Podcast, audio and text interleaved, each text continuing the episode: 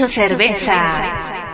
Och där hälsar vi er varmt välkomna tillbaka till podcasten Max 2 Cerveza, Sveriges förmodligen bästa kanotpodd. Och det är det första avsnittet som jag inte längre håller räkningen på vilket avsnitt i ordningen det är. Det är 12 va? Är det inte 12. det? Det är mäktigt. Ja. Då är vi nästan eh, ursäktade att inte ha koll på det längre. Men det är Ja. kul att vi har kommit så långt. Ja. Ja, jätteroligt. Jag tror det är 12 i alla fall. Det skulle kunna vara 13 med, men ja, skitsamma. Något av det är det. Många.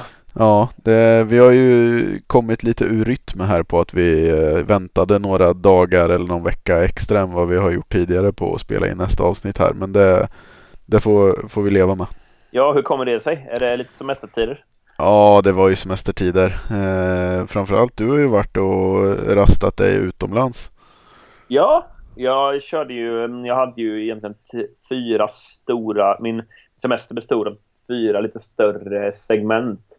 Mm. Första var kanot-SM i Nyköping. Det andra var ju att eh, vara hemma och dega. Ja. Tredje segmentet var ju Tylösand där då. där Jag sov i tält och det fjärde var ju Rhodos då. Så jag har fått testa lite av varje. Ja. ja, men det är inte helt fel. Och som sagt, vi, vi behövde ha lite semester från poddandet med och då hoppas vi också att alla är lite extra taggade inför ett nytt avsnitt här. Ja, exakt. Folk kanske har kommit ikapp med lite gamla avsnitt och förstår hur, hur upplägget funkar och så vidare. Så det, jag tror bara det, det kommer att vara gynnsamt. Jag tror jag med. Vi har ju fått bra gensvar på förra avsnittet. Många som har lyssnat på eh, avsnittet vi spelade in med Jörgen. Det var vi nöjda med och hoppas att många tyckte det var bra och vettiga grejer vi pratade om. Med. Ja, det, det var kul att höra trots... Det var ju ganska... På ett sätt ganska svårsmält avsnitt. Vi snackade ändå två timmar. Ja. Men eh, ja, det är väldigt kul att folk tar sig igenom det. Jag tror ju vi utan problem hade kunnat prata två timmar till också om vi hade Ja. haft ork. Men det, Det var väl ungefär det vi gjorde när vi stängde av inspelningen. ja, det missades en del guldkorn för eh, lyssnarna här som vi efter att vi hade stängt av. Vi säljer alltså en bakom kulisserna podcast för våra premiumlyssnare. Ja, exakt. 99 kronor i månaden så får man bakom kulisserna med Fabian, Jörgen och Jesper. Undrar hur många det är som hade varit villiga att betala för, för eh, den där extra timman vi pratade efter, efter inspelningstid. Ja, säg det. Det kanske är den bästa timman. Ja, det kan det ha varit. Riktigt bra var det. Ja. ja, men det är bra. Men eh, då har vi slirat in lite på vad, vad vi har gjort här sen, sen senast vi spelade in avsnitt. Nu kommer inte ens jag ihåg riktigt när det var. Är det två, tre veckor sedan? Ja, precis. Det var ju precis när jag var hemkommen från del två där. Ja, det var vecka 30.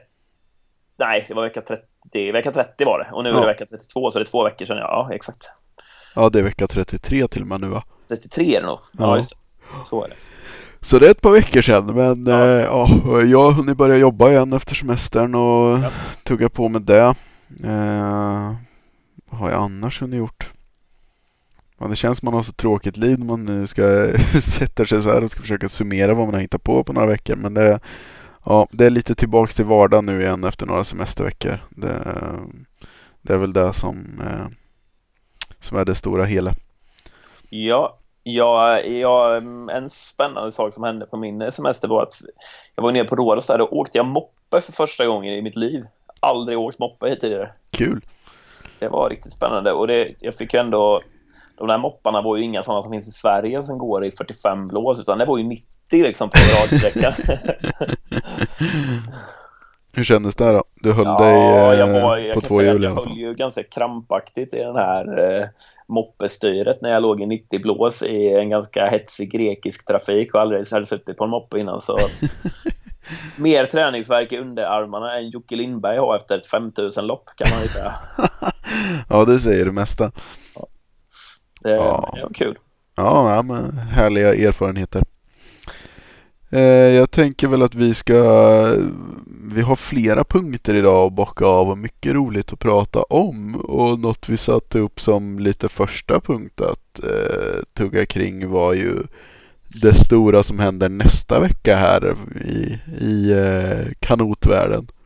Och då är det, det stora är ju inte att du och jag ska åka till Ungern utan det är ju kanske huvudsakligen vad Sverige nu ska ställa upp med. Ja. Ja, det har ju varit ett par omkastningar. Ja, det har ju varit eh, total kalabalik i eh, det svenska VM-laget, eh, får man väl ändå säga. Vet inte riktigt vad, vad planen är. Ska vi börja med förändring nummer ett där då? Det var ju att Henrik Strand kastade in handduken. Ja, eh, Henrik valde att inte åka på VM överhuvudtaget. Av Nej. skäl som vi inte vet detaljerna på. Men eh, kan väl misstänka att det var lite besvikelse över att han blev petad i K4 och då inte kände att han har eh, tränat för att paddla de andra distanserna han blev uttagen till och då Nej, kanske inte motivationen helt, är på topp. Det var väl den han helt hade siktet inställt på där. Så, eh, ja, jag tror väl också att det var anledningen utan att veta om det. Och vad gjorde förbundet då? Ja, då gjorde förbundet så att man skickade in Björn Linander, va? Eller hur? Ja, i K2 där. Mm, precis. Med För David. Att ersätta Henrik då och paddla K2 med David som du säger. Det var förändring nummer ett. Det var förändring nummer ett och då satte de igång där och köra ihop förbundets nya K4 där då. Mm. Den här nya K4 som vi har pratat om tidigare som sattes upp i, var det juni månad va? Efter, efter noggranna tester och eh, diskussioner om vilken K4 man trodde bäst på inför VM skulle ha bäst chans att kvala till OS. Så bestämde man sig och nu hade möjligheten att börja samköra den här ordentligt inför sista tiden inför VM. Ja, precis. Och då, då var det ju... Då hade man ju K2 där då med eh, David och Björn Linander som skulle köra och man hade K4 med eh, eh, Martin, Petter, Theodor och Erik Sandbacka. Ja, precis. Men sen slog väl bomb nummer två ner där. Och det var inte så länge sedan. Nej, det är ju bara, är det någon vecka sedan kanske? Kan det vara en vecka sedan? Ungefär? Ja, jag tror det kan vara en vecka sedan. Det var, nej, ja, lite mer. Det var en måndag eller tisdag, jag är rätt säker på. Ja. En uh, söndag till och med. Ja, en söndag kan det vara. Ja. Att då eh, Petter lämnar K4. Ja, precis. Ja. Eh, ett, eh, ja, vad ska man säga? En, eh, en, eh, nu har vi inte Petter fått möjligheten att försvara sig kring det här men av alla bilder av det hela som vi har fått är väl att det är ju en Ja, det är ju ett rent avhopp liksom. Eh, ja, det är, det är ju Petters val att stiga ur och inte så att förbundet såg det som det, ja, vad vi har tolkat det som så var det Petter som klev ur och inte så att förbundet valde att omorganisera. Det, man kan väl sammanfatta det som att det är ett val som har gjorts av egoistiska skäl och inte för lagets bästa kanske. Ja, eh, jag tror det också. Ja. Precis. Det, var, det togs nog inte så tacksamt emot av lagkompisarna där till en början. Nej, vi har förstått det lite som det är utan att veta detaljerna så var det nog flera som var mycket missnöjda på det här beslutet eh, och det kan man ju förstå. Det är ja, tråkigt att det... för det. Den jag kanske lider allra mest med är eh, Martin Attell såklart. Ja.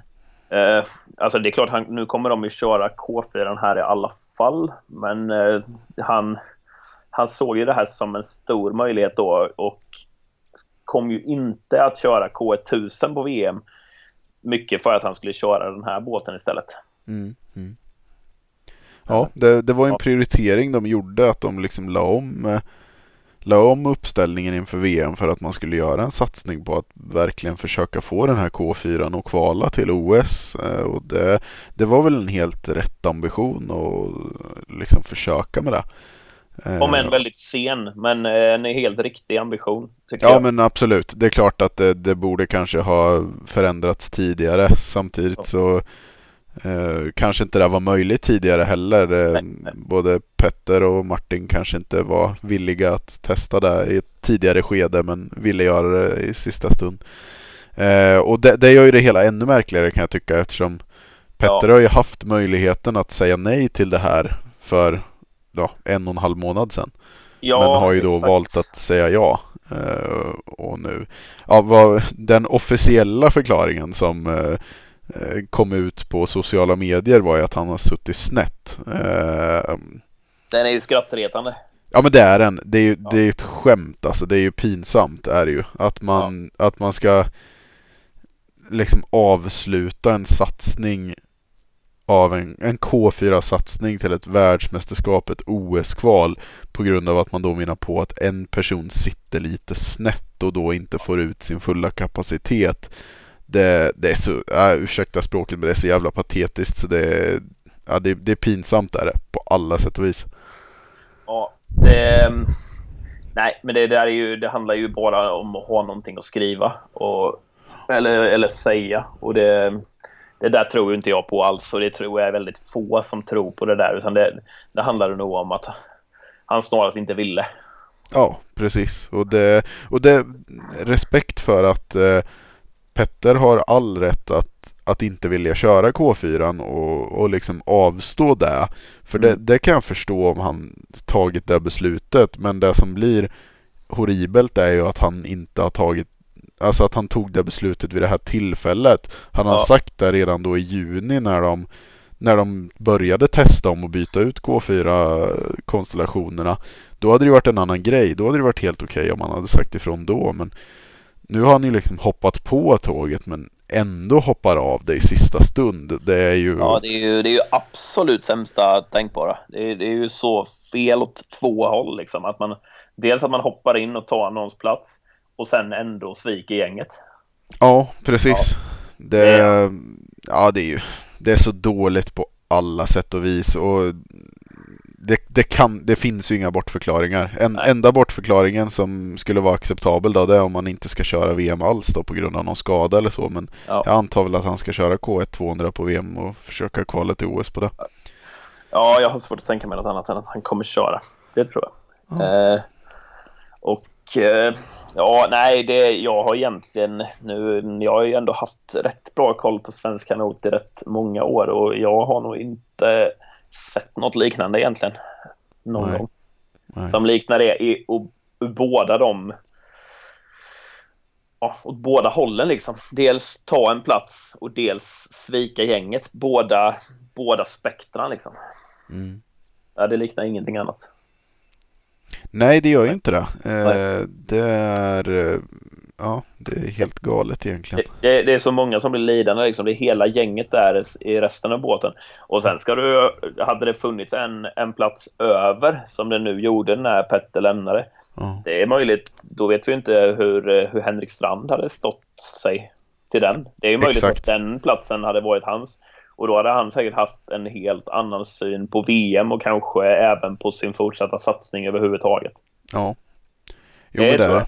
Ja. Det, det, du har helt rätt. Det här är, det, det är ett så vidrigt eh, beslut på alla sätt och vis. Och, och jag kan faktiskt också tycka att, eh, de, att det förtjänas lika mycket kritik till, eh, till landslagsledningen kring det här med.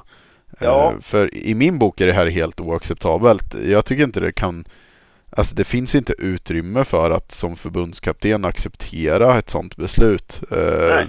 Utan någonstans så det är ju bara att säga att eh, kör eller kör inte någonting alls. Dyk inte upp på tävlingen. Eh, det, sådana här principsaker blir faktiskt större än att ge en person en chans att på egen hand försöka kvala till, till OS. Det, ja.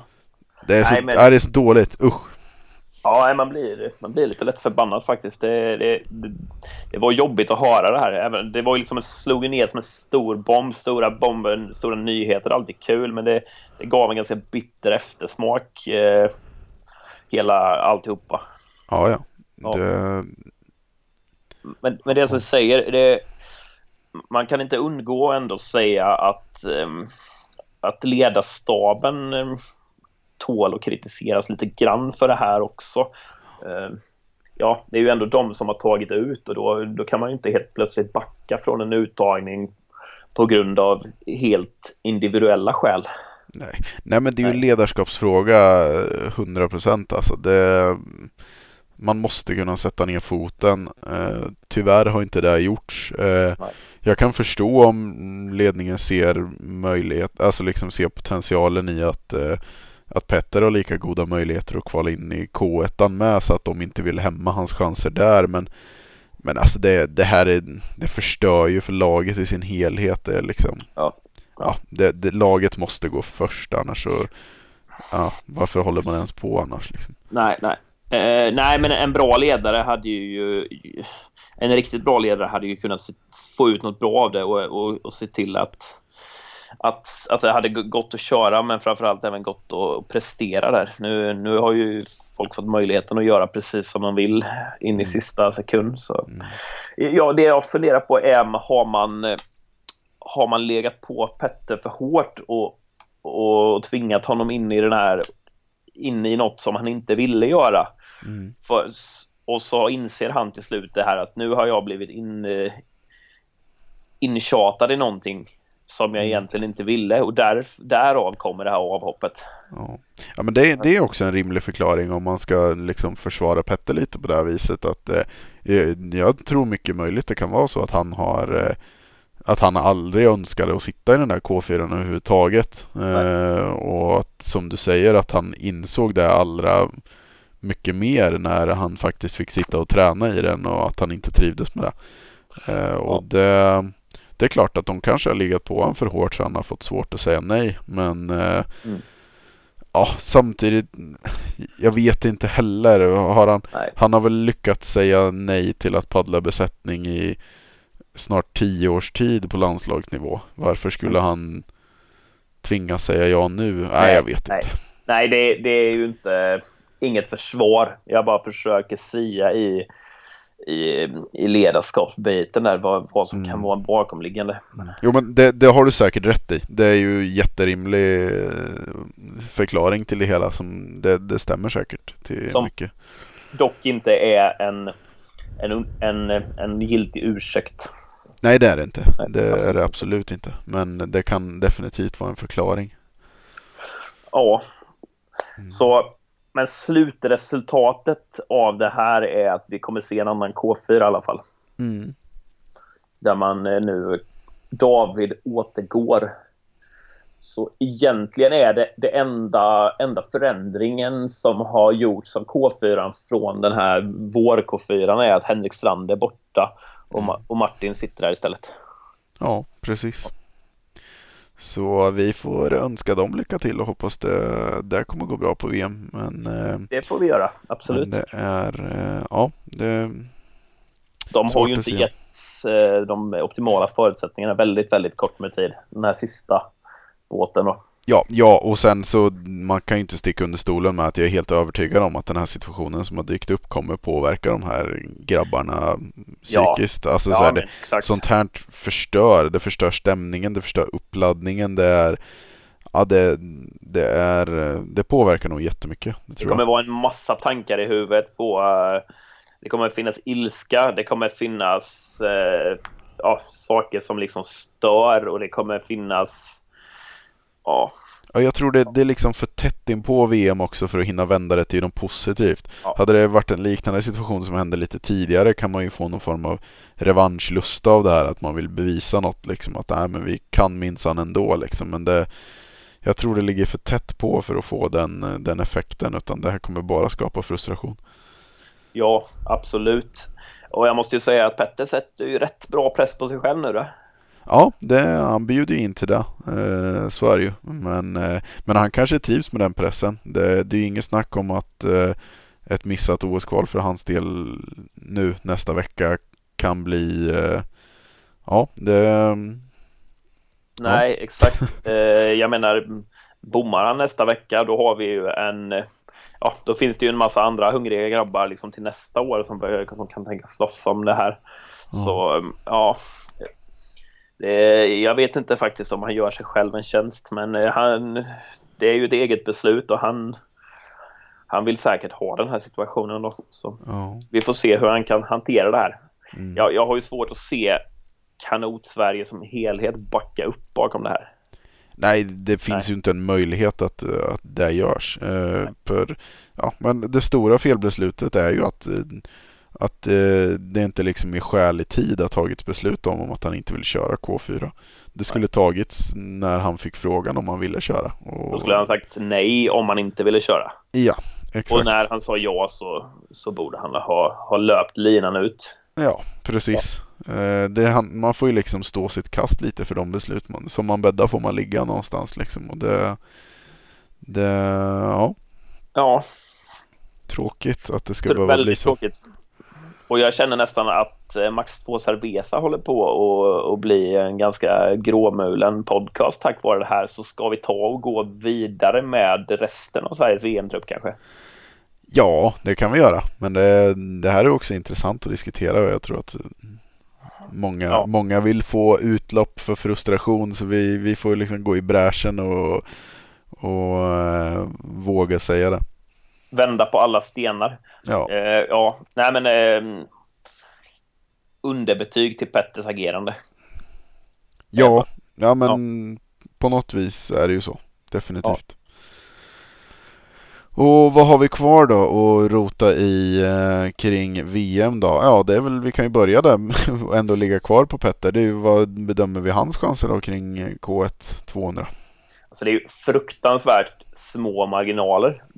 Jag, skulle väl säga att Petter har en individuell kapacitet som ligger någonstans mellan att komma trea och att vara plats 25. Mm. Eh, med beroende på vindar, beroende på lottningar, beroende på lite mental form som in- inte nödvändigtvis behöver vara till det bättre efter det här. Eh, så, mm, så tror jag Petter kommer vara, jag tror han kommer vara tvåa i B-finalen. Ja. Bara sådär mellan tummen och pekfingret. Ja, ja det, är så, det är så svårt tippat så att det är ju risken. Alltså man kan, man kan vara så ute och cykla så att det är helt vansinnigt. Ja, ja, för eh, det är ju, han har ju generellt sett senaste tiden inte visat sådär strålande resultat internationellt. Men samtidigt visar han ju tydligt lyft på European Games var det va? Ja. Eh, och sen eh, har han väl sett, sett bra ut på svenska tävlingar men det säger ju inte så mycket egentligen. Eh, Nej. Nej. och ja, men jag, jag är ju jätteskeptisk till att han ska klara av OS-kvalet i alla fall. Men hoppas ju såklart ändå. Men vi får se om, ja, en, en finalplats tror jag att han grejar. Men det är väl topp 6 som gäller för att få en Mm. OS-plats. Och det, är tror det. jag blir tufft. Ja. Så är det. Vad, och sen ska det köra K, köras K1 även på 1000 meter där då. Ja, I, om vi bara ja. tar K1 först. Mm. Jag tror att eh, det kommer ju vara... Det kommer kanske vara de snabbaste K1000-loppen som någonsin har körts om det blir medvind i Säggen. Ja, Eh, Det tror jag man kan vara helt överens om. Det, allting går ju framåt liksom hela tiden. Men Ja. eh, säg att det blir någon, eh, någon sån här mäktig medvind så, så känns det ändå som att Jocke kan, kan göra sig ganska bra i det. Jag tror att han är, han är ju inte den här som är nervös. Han kommer ju gå ut där och ändå vara, tycka det är ganska kul. Ja, Jag, jag är helt övertygad om att jag tror säkert att Jocke kan göra ett superbra lopp och med bra vindförhållanden och så så kanske sätta ett personligt rekord på K1000. Men eh, eh, också övertygad om att eh, den nivån ändå inte kommer räcka till till några högre placeringar på, på. VM-nivå. jag tror att eh, jag väljer ändå att vara lite positiv. Jag tror Jocke kan vara åtta i en B-final. Ja. Eh, kör man C-finaler på VM? Eller? Ja, det gör man. Det gör man. Ja. Ja. Jag säger att han vinner C-finalen då. Och sen på 5000. Ja, det kan ju bli spännande. Ja, men det är också det är så jäkla mycket små marginaler och omständigheter som kan dyka upp om man har lite flyt eller om man blir påkörd och ja, det är ju. Ja, men eh, kan vi hålla tummarna för en topp 10? Ja, jag säger sjua. Mm. Du, nu slog det mig igen. Eh, vi, vi sa ju det att Petters eh, oacceptabla uppförande och beslut fick ju liksom konsekvenser i flera led. Dels det här med Natell, dels det här med de andra K4-grabbarna, dels det här med Henrik Strand. Men det fick ju även följd då för Björn Linander. För han skulle ju kört en K2 där, men han får ju inte följa med nu. Är det så? Det vet Ja. inte jag om det är Nej, så. men jag är nästan helt hundra på att det är det sista. Han, han Mm. åker inte med i och med att David lämnar K2 där. Det. Det kan jag väl i och för sig känna att det är en jädra baggis i sammanhanget. han var, det det. det, Han det. var reserv från första början. eh, Liksom får komma med lite som en bonus. Ja. Alltså hela hans roll i grund och botten var ju reserv. Ja, ja. Eh, sen är det klart att det är säkert tråkigt för han att få besked att man ska köra och sen inte. Men Nej. det är ju det är någonstans där man får räkna med i den rollen. Det är det. Nej, men jag menar mer att det, att det får ju enorma följder hela den här grejen. Ja, det blir ju en dominoeffekt utan dess like, ja. så är det ju. Ja. K1 500 tror jag inte vi har någon herre som kör mm. nu. Uh, om vi däremot kollar K2 där då, herr uh, Natell Pettersson. Mm. De uh, gjorde ju några riktigt bra lopp förra året. De, de var nia på EM, de var elva på VM. Har inte riktigt rosat marknaden i år. Jag vet att just de två har ju följt ett lite annat upplägg än resten av landslaget. Där det helt och hållet är meningen att de bara ska vara i form på VM. Men jag tycker ja, jag vet inte. Jag har ingen riktigt bra magkänsla av deras prestationer hittills den här säsongen. Nej. Har du? Nej, jag kan hålla med dig lite om. Jag tror att de kommer göra alltså, en bra prestation, absolut. Men, men det, ja, jag har svårt att se framför mig att man kan trolla fram en form och någonting som man inte har fått se tidigare på året. Nej, och, exakt. Och bara liksom dyka upp som en gubben i lådan. När man tränar över utslaget över ett helt år, de mängderna som de här killarna gör så nej, det, du kan inte få den superduper effekten och nej, det, nej, jag har jättesvårt att se det. Men med det sagt så kan de säkert göra en jättebra prestation och ändå ja, vara uppe och nosa på, på toppen. Men, men återigen ett, en OS-kvalplats är nog det utom räckhåll. Jag tror att de, ja, men det är ju som säger, tränar man så mycket så betyder det att man höjer sin lägsta nivå ganska mycket och då ska man ju, då ska man ju även när man inte är i form kunna vara lite längre upp för att det ska vara rimligt att vara riktigt långt upp. Ja, absolut. absolut. Så jag, jag, tror att vi kommer få se dem, jag tror sjua i B-finalen. Ja, nej men jag säger något liknande. Ja. Det var nog bara den K2 på här sidan som kommer köras i slutändan. Ja. Då är det K4 kvar där då. Ja. Och den känns ju som rent lotto nu. Vi har inte fått se den K4 någonting mer än på något Instagram-klipp kanske. Ja. Uh. Eh, jag tror det kommer vara svårt att nå B-final faktiskt. Ja, uh, ut, i, ut i semifinal säger jag. Ja, ut i semifinal säger jag också.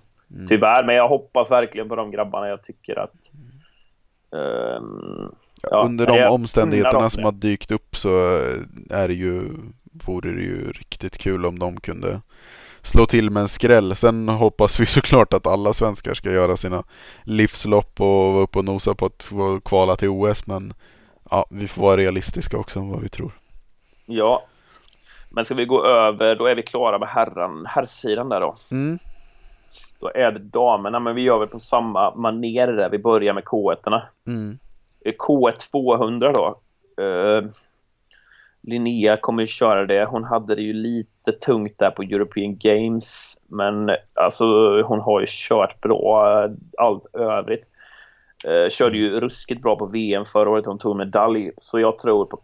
Men det är ju som du säger, det, det är ju så små marginaler så det räcker ju med en, en taskig lottning eller en dålig vind eller ett snedskär så, så är det ju pannkaka. Ja, precis. Men jag tror att på 200 är hon rätt stabil ändå, så jag tror att hon kommer vara fyra. Ja.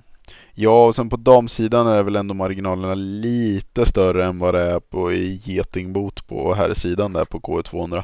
Ja. Eh, men, eh, ja, men tufft är det definitivt. Men eh, jag tror också att eh, Linnea känns som den enda riktigt stora chansen för Sverige att få någon som ska åka på OS i Tokyo och då får man väl, ja, jag säger femma då, men hon ja. klarar topp sex som är gränsen.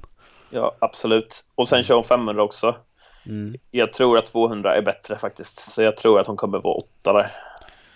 Ja, jag tror faktiskt, ja, jag säger att hon missar finalen precis. Jag ja. tänker att hon ändå lägger så stort fokus på 200 att det är det som gäller och det kommer vara andra tjejer som tänker tvärtom mot 500 och det, då kommer det vara tufft. Men, där, ja. ja, men där finns det ändå ambition, eller där tror vi att det kan, vara, kan finnas topplaceringar. Ja, men det finns stort hopp ja. om att eh, vi kan få se någon kvala in en OS-placering där. Och kanske till och med en medalj, om det vill sig väl. Vi får hoppas. Ja, ja. och sen ska det köras eh, tusen där då. Är det Anja som ska köra det va?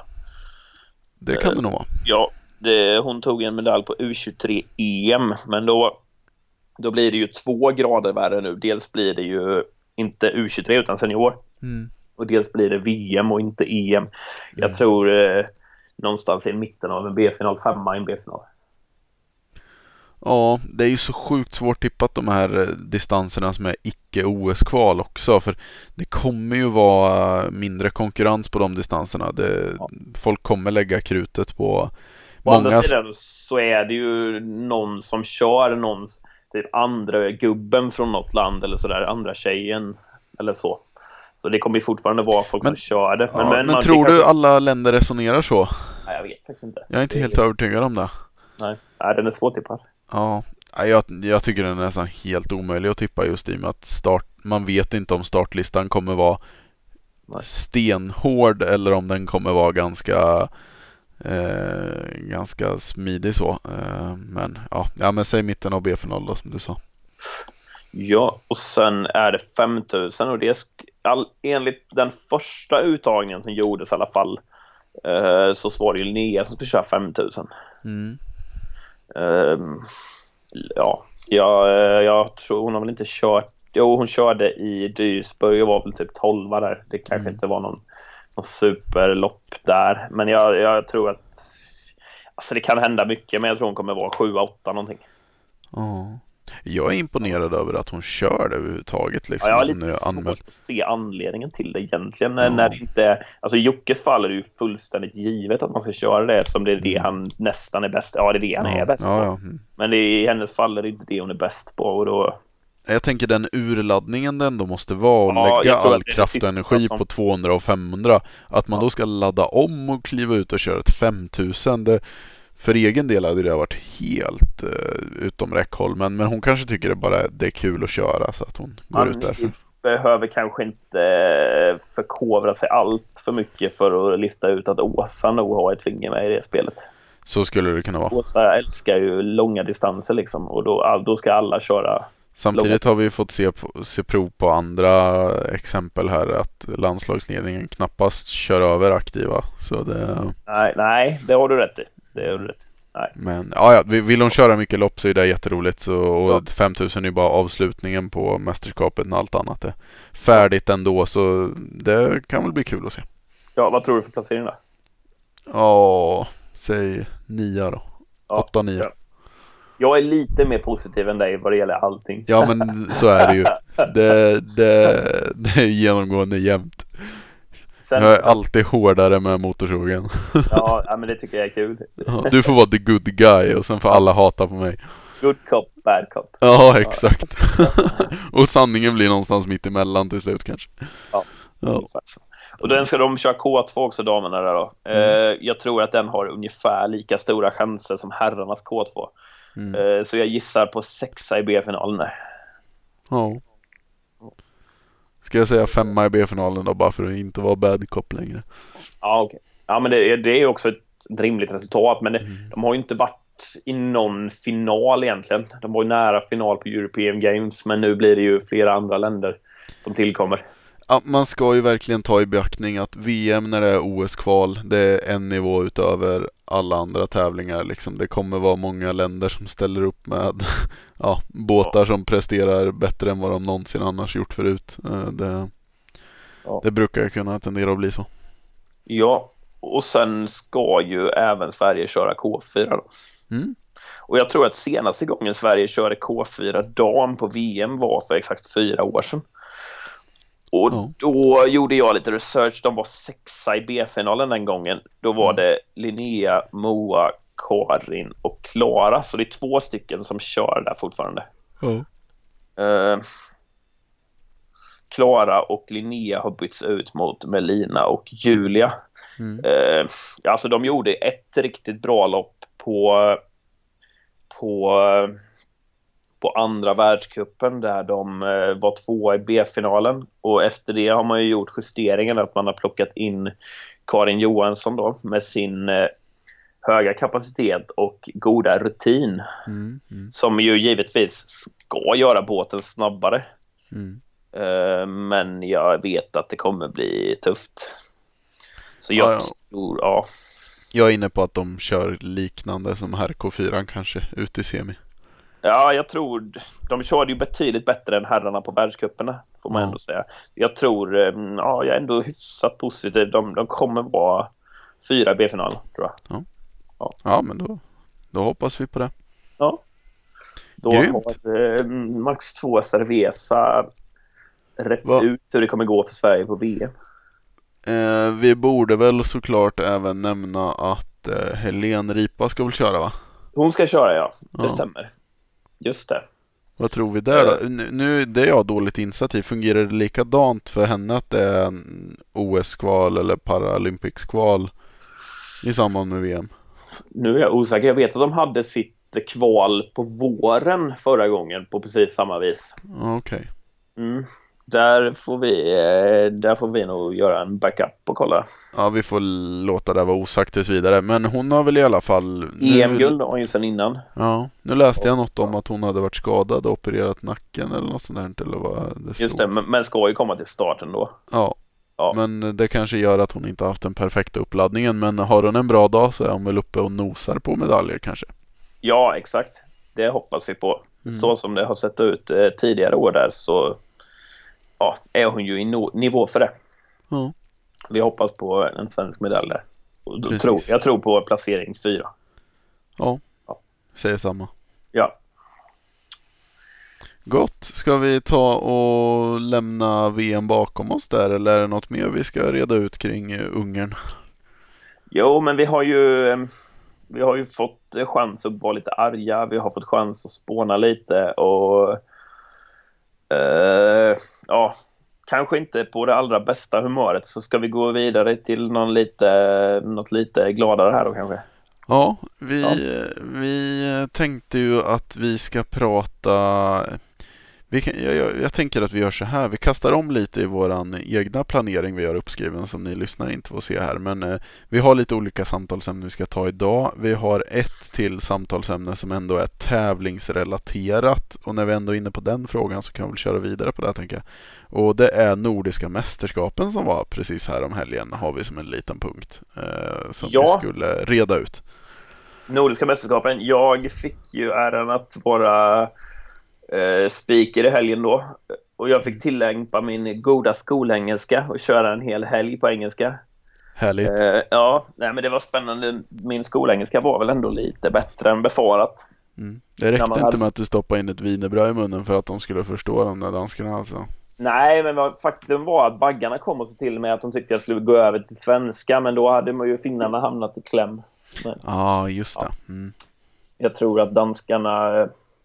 Ja, det, är, det är komiskt det där med, med norrmän, för de tar... Alltså när de sätter igång och pratar så tar de för givet att man fattar precis allt de säger, Ja. men det är så lite jag förstår. Jag håller med dig helt och hållet. Det är ju det. Danskarna känns som att man har någon form av ja, men förståelse för att man inte förstår varandra. Ja, Men ja. norskarna, som du säger, tar ju för givet att man fattar vad de säger. Men det är ju bara, ja, Men jag tror att hela det är baserat på att de nämligen förstår oss. För jag fick nämligen en ganska rolig feedback. Mm. Det är nämligen så att det är en hel del norrmän som sitter och lyssnar på våran podd. kul. Ja, det är kul. Så då, då måste de ju ändå begripa det ganska väl. Ja, jo. Nog för att våra pipor är sköna och bara lyssna på, men jag tänker att det kan bli ganska träigt att lyssna på två timmar podcast om man inte fattar något. ja, jag hade ju inte satt mig och lyssnat på två timmar norsk podcast, det kan jag ju säga. Nej, det hade inte jag heller gjort. Men, eh, nej. men där fick vi i alla fall se en, en jäkla massa lopp. Det var totalt 59 distanser som avgjordes eh, på NM. Mm. Och av de resultaten vi fick se där så känner jag att antingen så måste eh, NM kanske göras om eller så måste eh, Sverige fundera på vad, vad man sysslar med. För av 59 lopp så tog Danmark 58 guld. Och Norge det lyckades 59 tog Norge, ja. i ett lopp där danskarna valde att ställa ut ett B-lag för att vi- vila sina andra. Mm. Ja.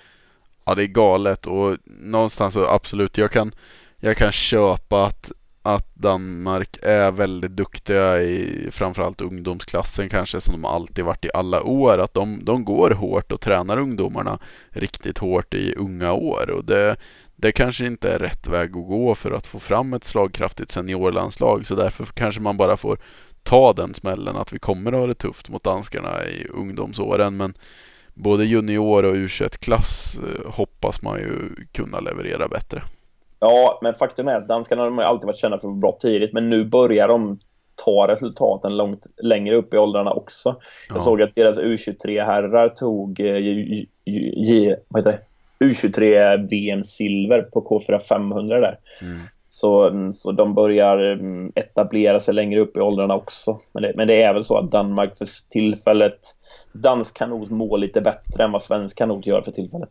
Ja, definitivt. Det är ja. ingen snack om den saken. Att de, de har både fler aktiva och fler som är duktiga. Och det, ja, bättre fungerande verksamhet rakt igenom verkar det som. Ja, nu hade, nu hade de ju ett, uppenbarligen ett ganska väl fungerande landslag, men det, det som är eh, den stora skillnaden mellan svensk kanot och dansk kanot tror jag är att man har eh, eh man har i alla fall tre riktigt stora klubbar som, som är välfungerande på egen hand och, och liksom har ha självförtroende i sig själva och inte behöver luta sig tillbaka på sitt kanotförbund. Mm. Att man har, man har trä, kanotklubbar där det finns en massa aktiva och även fler med duktiga tränare och duktiga aktiva då. På ett sätt som inte riktigt finns i Sverige för tillfället. Vad tyckte du om tävlingen på NM då? Var det, kändes det ändå som att det var mm, liksom en, en bra och vettig tävling eller känner du att liksom Nordiska mästerskapen det är någonting vi kan eh, begrava för tillfället för att det ger ju ingenting att bara få dyngstryk av eh, danskar? Uh, nej, men det var en bra tävling. Jag tyckte det var en väldigt rolig tävling att kolla på. Det var faktiskt många lopp som var väldigt spännande. Mm. Dock många av de bataljerna som var mest spännande var ju mellan tre eller fyra olika danskar. Ja. Men, men det var fortfarande väldigt bra lopp. Det är ju en trevlig tävling i och med att det bara är finaler. Men eh, man man för svensk del ska man kanske fundera på vad man ska ha för förhållning till Nordiska mästerskapen. För det, det räcker ju med att passera Öresundsbron så får man ju tillräckligt med stryk. Liksom. Ja. Man behöver ju inte åka till eh, Pitesti och, och, och, Brandenburg och allt det här. Nej. Nej, det, nej. Det, nej Brandenburg var, var ju en total flopp att de åkte till den tävlingen för att få sparring för det var ju typ bara svenskar där sen. Ja, nej, men eh, jag vet inte, det känns ju kanske som att man, man NM kommer ju säkert fortleva och det känns som att man i, i alla fall junior, juniorklasserna borde börja med att, att försöka prestera på den tävlingen. Ja. Ja, för det kommer ju vara hårt redan där liksom. Ja. Nej, jag ju svårt att se meningen med Nordiska överhuvudtaget egentligen men eh, det, det är klart att det, det är ju det är väl ändå kul med en, tävling till. Vi ska ju inte ta bort Nej. alla tävlingar i världen. det ska vi inte. det blir Nej. lite synd att hålla på då. ja. Nej, men det... Ja. Det, det, det var, jag tyckte det var kul att se. Lite, lite förvånande vad som blev det mest spännande loppet att kolla på för egen del. Det, det måste jag säga var H16s K1 långlopp. Uh, inte helt förvånande så kom det tre danskar i ensamt majestät in mot mållinjen. Mm. Eller det var två danskar före de andra. Och det såg ut att liksom vara dött lopp mellan dem när det var 40 meter kvar. Mm. Då ramlar den ena i och den andra går på fel sida om, uh, om målbågen. så det blev dansk nummer tre som vann där det är ju ändå helt underbart att eh, de som satt i måldomartornet ändå hade balls och inte godkänna den som gick in i mål på fel sida. För det känns ju som typiskt svenskt annars att man bara nej men, men okej okay, vi kör ändå liksom. Det var ingenting. Jag kan, jag kan gissa att starterna gick till så att det var någon som fick en varning för 71 gången att nu säger jag minsann till dig sista gången att om du passerar startlinjen en gång till så kanske du kommer bli diskad nästa gång. Mm. Ja, men lite så är det Jag försökte ju påkalla den här dansken och skrika på honom Och han börjar ju svänga. Han, han gick ju ganska långt till höger om bojen. Börjar Ja. svänga vänster. Men, och, och svänger och svänger och svänger. Men missar den med ett par decimeter till slut. Och vad händer då? Jo, då kommer det uppflygare en vansinnig norrman i tornet och säger att man inte borde hjälpt honom. Nej, just det. På det själv. Ja, ja det, det kan jag ju köpa faktiskt. Han missade den ju hur som helst där så att... Ja. Men ja, det är ju just bara i de yngsta klasserna som sånt där händer. Ja. Men det är, det, är, det är också helt fantastiskt att det händer kan jag tycka. Det är kul. Ja. Vad fan, det borde de ha koll på egentligen. Ja, jo, jag menar det. Det är ju inget, det är inget synd om han liksom att han missade det. Det är ju en jättetabbe liksom. Det, det hör ju till spelet liksom. Ja, exakt. Jag vet ju när, jag, när man körde cykeln och man var 12 år så, så gick man ju alltid och kollade. Det fanns alltid en speciell karta för långloppet. De här bojarna ska man gå emellan där och då. Precis. Ja, nej, så det är svårt att svårt att tycka riktigt synd om dansken där. Men det Ja. blev ju dansk vinst ändå. Ja. Ja, men eh, NM i alla fall. Vi mm, kan runda av det som ett väl utfört arrangemang. Men eh, lite för stor... Eh, ah, jag tyckte det kändes helt det kändes töntigt när man spelade den danska nationalsången för 58 gången. Ja, det kan ju bli lite tjatigt. Exakt. Eh, det blev bara gång på gång efter annan. Mm. Mm. Ja, nej, men eh, vi lämnar då Nordiska mästerskapen där och så ska vi skicka oss vidare in på lite andra frågor. Eh, Ja. Jag tänker väl att vi ska lyfta, nu är det så här lite roliga samtalsämnen kvar. Vi ska lyfta lite saker som vi har fått in från lyssnare. Ja, det, mm, det ska vi göra. En av... Ska vi ta det där med... eh, Ja, vi har ju fått två lite större grejer att debattera. Mm. Och det ena var ju det där om kanotgymnasiet. Mm. Eh, vi, ja, vi har ju en, en läsare där då som, som vill att vi ska ge våran syn på att gå på kanotgymnasiet eller inte gå på kanotgymnasiet, fördelar och nackdelar. Och jag, vi är ju ganska lämpade för det eftersom att Jesper har gått på kanotgymnasiet, jag inte har gått på kanotgymnasiet. Så vi har, står ju på två olika sidor av myntet kan man säga. Mm. Ja, och det här är ju en fråga som man skulle kunna sätta sig ner och diskutera fem timmar om. Men jag tänker vi ska väl försöka göra det i fem minuter kanske. Ja, det är en fråga som inte har något. Det finns ju inte ett svar på den här frågan. Men vi ska lägga fem vettiga minuter på att- att utreda fördelar och nackdelar med kanotgymnasiet. Mm. Eh, jag vet i alla fall när jag då började gymnasiet så hade jag eh, en, en hel del jämnåriga som jag tävlade mot som började på kanotgymnasiet istället.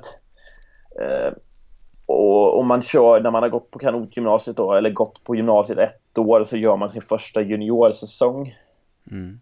Ehm, och jag, jag hade ju en väldigt positiv eh, trend det första året som junior där när jag hade gått på gymnasiet hemma. Min trend var nog mer positiv än för de som gick på kanotgymnasiet.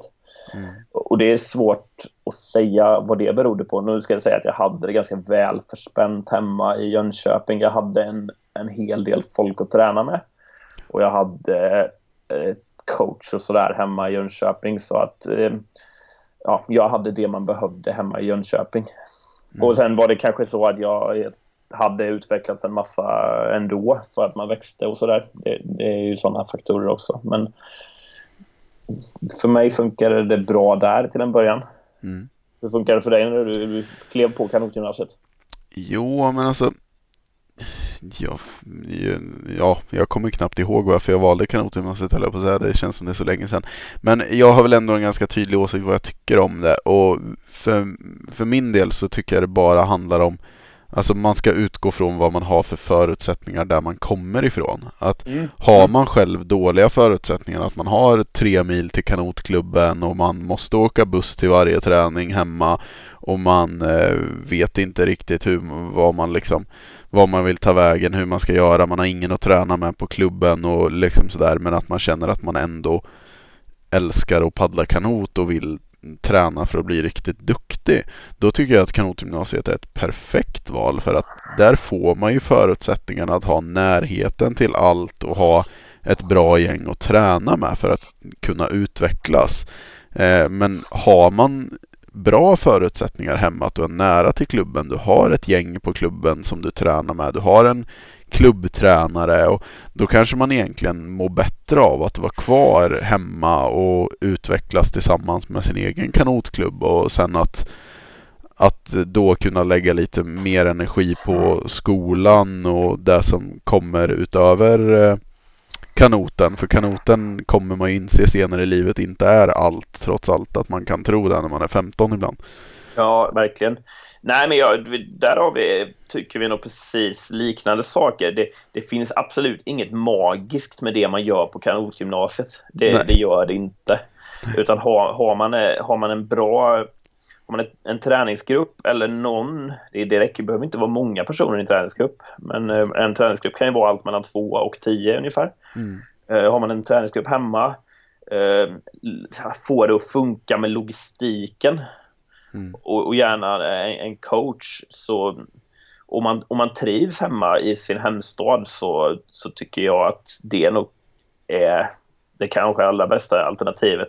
Mm. Om man däremot har, som Jesper säger, har det lite sämre förspänt på hemmaplan och känner att man behöver något mer eh, inriktat så, så är nog kanotgymnasiet ett bra alternativ. Men man ska vara medveten om att då ska man ändå slussas in i ett liknande upplägg som, ja, vad är det, 15 andra, 20 andra. Mm. Så det behöver ju inte nödvändigtvis bli så personligt. Nej men alltså, Nej. KG är ju verkligen det är ett verktyg. Det är någonting, du kommer inte dit och blir serverad att bli bra på att paddla kanot eller så. Det är många som kommer dit och misslyckas fullständigt med att bli bra på att paddla för att de antingen hade fel inställning eller fel, har fel sätt att möta själva utmaningen att gå på kanotgymnasiet.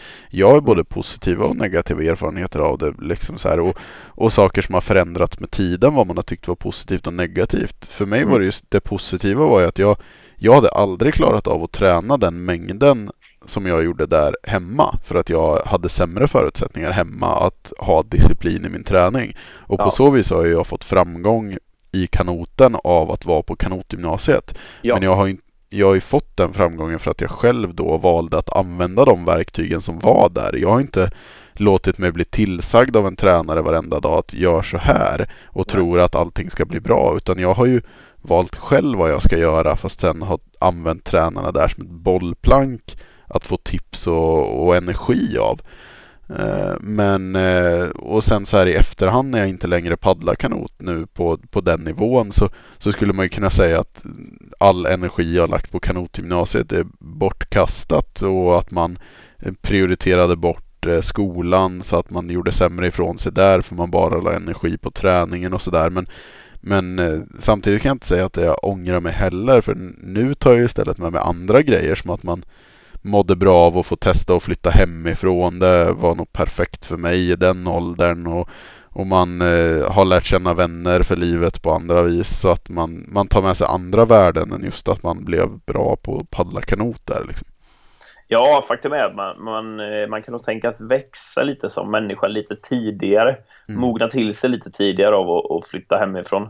Mm. Uh, det, det, kan man säkert. Och med det sagt så är det nog, finns det nog också de som inte är mogna nog att göra Nej, det heller. Exakt, exakt. Så, så är det. Mm. Ja men där någonstans tänker jag väl att vi kan eh, nöja oss med KG-diskussionen för idag kanske. Ja, rannsaka din hemmaplan innan du funderar på att söka till KG. Det var jättebra sammanfattat för det är, det, det, det som borde vara avgörande i beslutet. Är det till och med podcastens namn kanske? Rannsaka din hemmaplan. Ja, vi, vi skriver upp det. det är antecknat. Ja, ja men jättebra. Eh, vi slirar vidare på nästa ämne som vi fick ju en läsare. Vi pratade ju med, i avsnittet med Jörgen där om lite tävlingar och ja, vart man arrangerar tävlingar och så. Det var väl, det var väl jag kanske som slängde ur med lite litet frågetecken kring Lilla Edet som tävlingsplats. Vad, hänt, vad som hände med den. Och där ja, fick vi ju lite feedback på. Ja, här har jag ju fått eh, ja, här har jag ju fått en massa konstruktiva grejer att jobba med från ja, direkt från Lilla Edet och Kungälv. Mm. Det är ju nämligen så att den är ju inte helt död, den tävlingsorganisationen. Den har ju precis som svensk kanot mått bättre. Men den eh, lever fortfarande och de ska faktiskt så om bara två dagar arrangera en tävling igen. De ska köra en sucktävling nere i Lilla Edet. Mm. Och eh, en skrev de ju till med att de inte är mogna för en SM-vecka. Man får ändå inse att det är ganska stor skillnad på att köra en SM-vecka och köra en suck. Mm. Men det betyder ju ändå att det finns ett, ett frö som gror. Och mm. att, eh, ja men att ambitionen finns numera hos Kungälv att man i alla fall på sikt eh, ska kunna arrangera en SM-vecka eller annan större tävling även om de på intet sätt lovar någonting. Mm. Ja, men det, det, det, tyckte jag var det är kul och det var ett bra svar och så fick vi även med en följdfråga därifrån att vi skulle diskutera lite hur eh, förbundet kunde hjälpa klubbarna att utvecklas till det viset att man att man orkar arrangera en SM-vecka eller att fler klubbar ska klara av det. Men, men det hade vi en liten utlägg, eller en överläggning om här och vi kom väl fram till att vi kanske ska spara den punkten lite till nå, något annat avsnitt där vi har någon, någon gäst som är engagerad i, I liknande ämnen eller förbundet eller så. Ja, men det kände vi att eh, det där med det är ju det är en bra tanke det där att förbundet borde kunna backa upp med eh, med konsulter på eh, funktionärsnivå. Men det tror vi är en utmärkt fråga att lyfta tillsammans med någon spännande gäst. Mm. Ja, så vi, vi säger väl så. Definitivt. Och vi kastar oss vidare. Vi har två ämnen kvar varav en är väldigt kort men vi har en eh, matnyttig punkt kvar och det är ju kanotgruppen såklart. Våran stående punkt kanotgruppen. Ja. Den har eh, legat lågt, det har den gjort, men nu har det börjat hända grejer. Vi fick en en riktigt bra grund att stå på här bara för någon timma sedan när vi satt och liksom förberedde för att spela in. Då, då släpptes bomben. Och då släpptes bomben. Och det är en eh, herre som heter Leif Davidsson. Han börjar lugnt. Vet inte om detta är rätt forum. Punkt, punkt, punkt. Och sen brakar helvetet lös. Uh, och det här är ju alldeles för långt för att läsa rätt upp och ner för det är ju fan ja, så gott som en A4-sida. Och, och, vad är det det gäller? Ja men vi kan väl konstatera att han var riktigt frustrerad över att eh, någon tävling nere i Skåne hade tappat deltagare, en ungdomstävling och att han tyckte det berodde på förändringen av eh, tävlingssituationen där att man nu inte längre tävlar om att komma etta, tvåa, trea på pallen utan att ungdomarna snarare tävlar i att de ska ha så många deltagare från varje förening som möjligt och att vinnarna då blir de som har med sig flest deltagare och inte de som paddlar fortast och är duktigast. Och det här är en evig debatt som har funnits genom all svensk idrott senaste tiden. att ja, vilken nivå man ska låta ungdomarna tävla eller bara idrotta för skojs skull. Och det var uppenbart vad han eh, hade för åsikt i den ja. frågan i alla fall. Ja, det börjar ju med att han är förbannad över att, att det var få deltagare då i den här Skåneligan. Fast det var nog egentligen inte det som var kontentan av det hela. Utan det han var förbannad över var ju då att, att nästan hela tävlingsmomentet Tävlingsmomentet i kanot är jättesimpelt. Du ska vara först i mål. Mm. Men, men i och med att du i princip har börjat negligera detta som en följd av en tolkning från kanotförbundet eh, och bara räkna eh, antal, antal målgångar för klubben då så har hela ja, så, så är så är hela så är det inte längre relevant då hur, hur man kör och vilket har gjort att, att ungdomarna inte, inte kör för att komma först i mål och det i sin tur eh, har fått med sig att de inte vill komma dit. Ja, men det är ju en svår fråga det här egentligen för det är ju just så här att man, man måste ju också få tävla. Det vet man ju själv när man var liten att det var ju kul att tävla och vinna men jag förstår ju också att det, en del kan skrämma bort det för att folk hatar att förlora och vara obekväma i det. Ja. Och att man nu försöker hitta någon mellanväg. Men ja. jag tycker faktiskt det är en kommentar här som en har lagt in som är, sammanfattar alltså det här rätt bra. Och det är att jag tror att det är oviktigt egentligen Alltså med själva tävlandet. Alltså att man behöver inte gömma sig från att ha riktiga medaljer och att kunna ha en etta, tvåa, trea och någon som kommer sist. Utan här är en som har skrivit så här att han är övertygad om att det inte är vem som kommer först respektive sist som gör barn glada eller ledsna. Nej. Utan det är hur vuxna reagerar på prestationen. Vi behöver inte tokhylla eller dissa när våra barn och ungdomar tävlar. Och det Nej. tycker jag är en bra sammanfattning på det. Hur, hur, vad som påverkar på riktigt. Nej, exakt. Nej, men det blir ju, det blir ju lite... Det blir väldigt lustigt om man gör om hela, hela tävlingsmomentet till att bara ta sig i mål så många gånger som möjligt. Mm. Då, då helt plötsligt är det ju inte ens samma sport längre. Så, så det känns ju lite lustigt om du, om du helt ska negligera det. Eh, Men jag håller med dig. Det är nog många gånger hur, hur de vuxna förber- förebilderna i omgivningen beter sig som har störst inverkan. Ja men det är det verkligen. För det, det går att, eh, att få en, en ungdom som har gjort en dålig prestation att vara glad ändå. Och Ja. det går faktiskt att låta en ungdom eh, göra en bra prestation utan att eh, liksom bli Ja, bli tokhyllad för det. Det där kan jag känna igen själv. Ja. Jag vet när jag själv var liten och var ungdom så var jag en sån som det gick ganska bra för. Jag har vunnit mycket tävlingar och så. Och då tyckte man ju det var liksom skitkul och man tyckte det var så himla stort och viktigt på något vis. Och då kan jag också förstå att de som förlorade oftare än vad jag gör tyckte det var jäkligt jobbigt. Men idag när man är lite äldre och ser tillbaks och tittar på de här ungdomarna som tävlar som man själv var i deras sits för ett tag sedan så, så kan jag se att alltså fy fasen vad oviktigt det är liksom vem som är bäst på att paddla kanot i H14. Ja, det är liksom, vem Ja. fan bryr sig om det här egentligen? Det är ju inte värt ett skit mer än Nej. att det är kul för den att få göra en liten målgest liksom. Och ändå Mm. finns det mycket föräldrar och ledare och sådana som, som pushar på det beteendet att, att det ska vara tokviktigt att vinna ett guld i H14 eller D14. Eller liksom. och, det, och det är väl där problemet kommer. För då när Ja, då blir både de som inte vinner blir ju nedtryckta av att de aldrig får det berömmet och de som vinner kommer bli totalt nedtryckta den dagen vinden vänder och de inte längre vinner. Ja. ja, men det låter ju rimligt. Mm. Eh, jag tycker bara det är väldigt komiskt att, att sådana här uppslag kan verkligen få hela kanotgruppen att sluta upp. Nu har ju inte det här varit ute länge och det kom ju ut en, en tid när inte så många är vakna. Det liksom droppades klockan 10 på kvällen. Men det är ändå så att det är, eh, ja, vad är det, sju, åtta personer som har gått in och skrivit och de har skrivit svar som heter duga. Ja. Ja.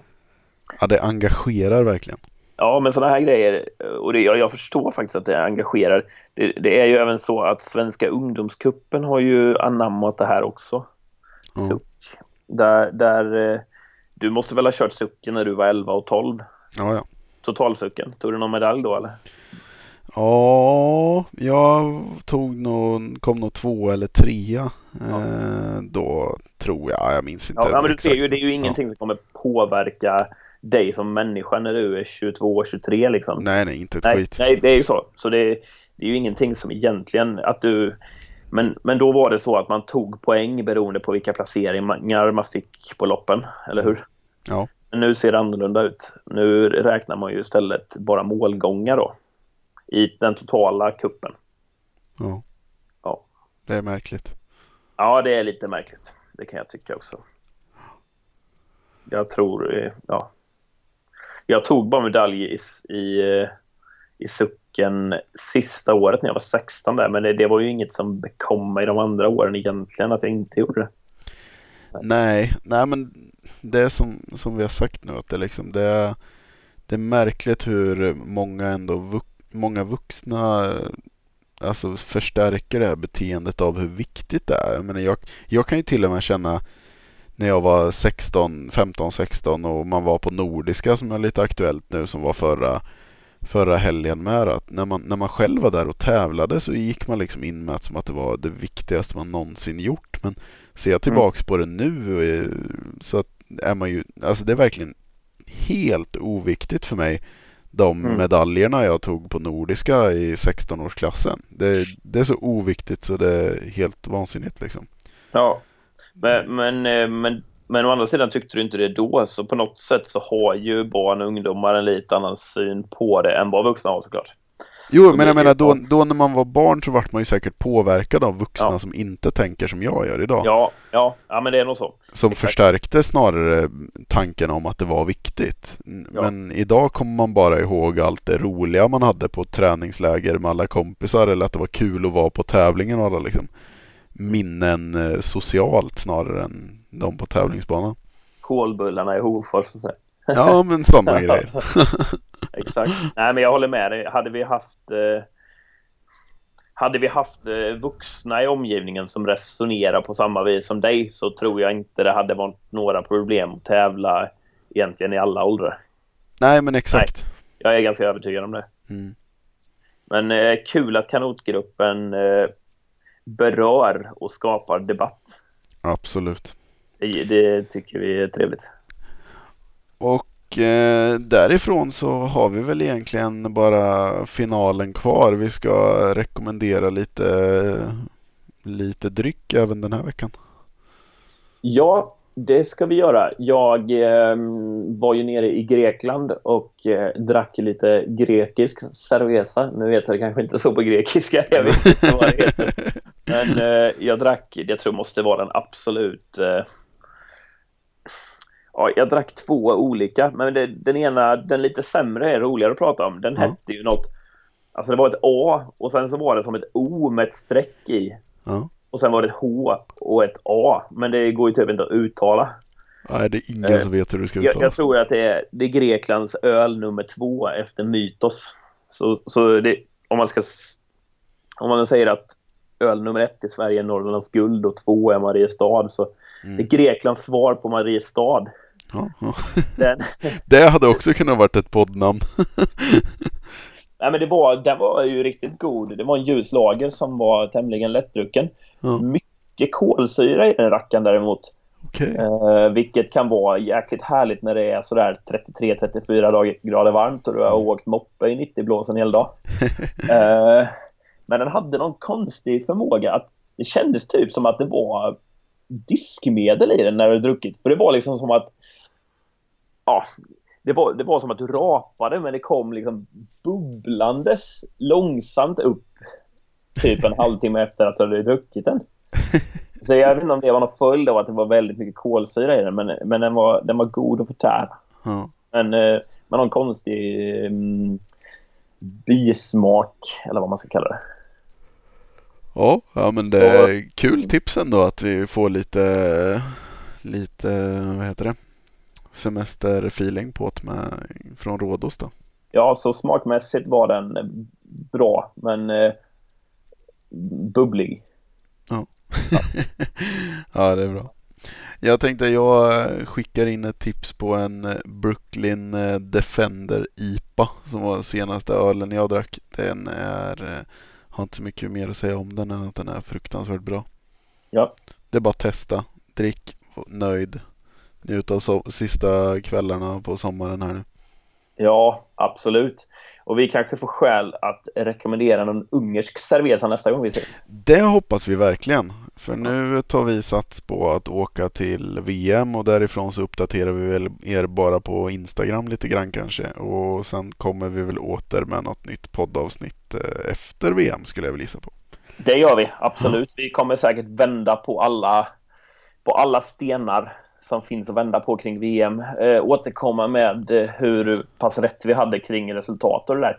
Och är Precis. det någon som eh, tror sig annorlunda kring de svenska resultaten så får ni ju givetvis väldigt gärna höra av er. Helt rätt. om ni har mer rätt än vad vi har. Precis. Det... Vi säger väl så, så tackar vi för ikväll. Tack och hej. Tack och hej.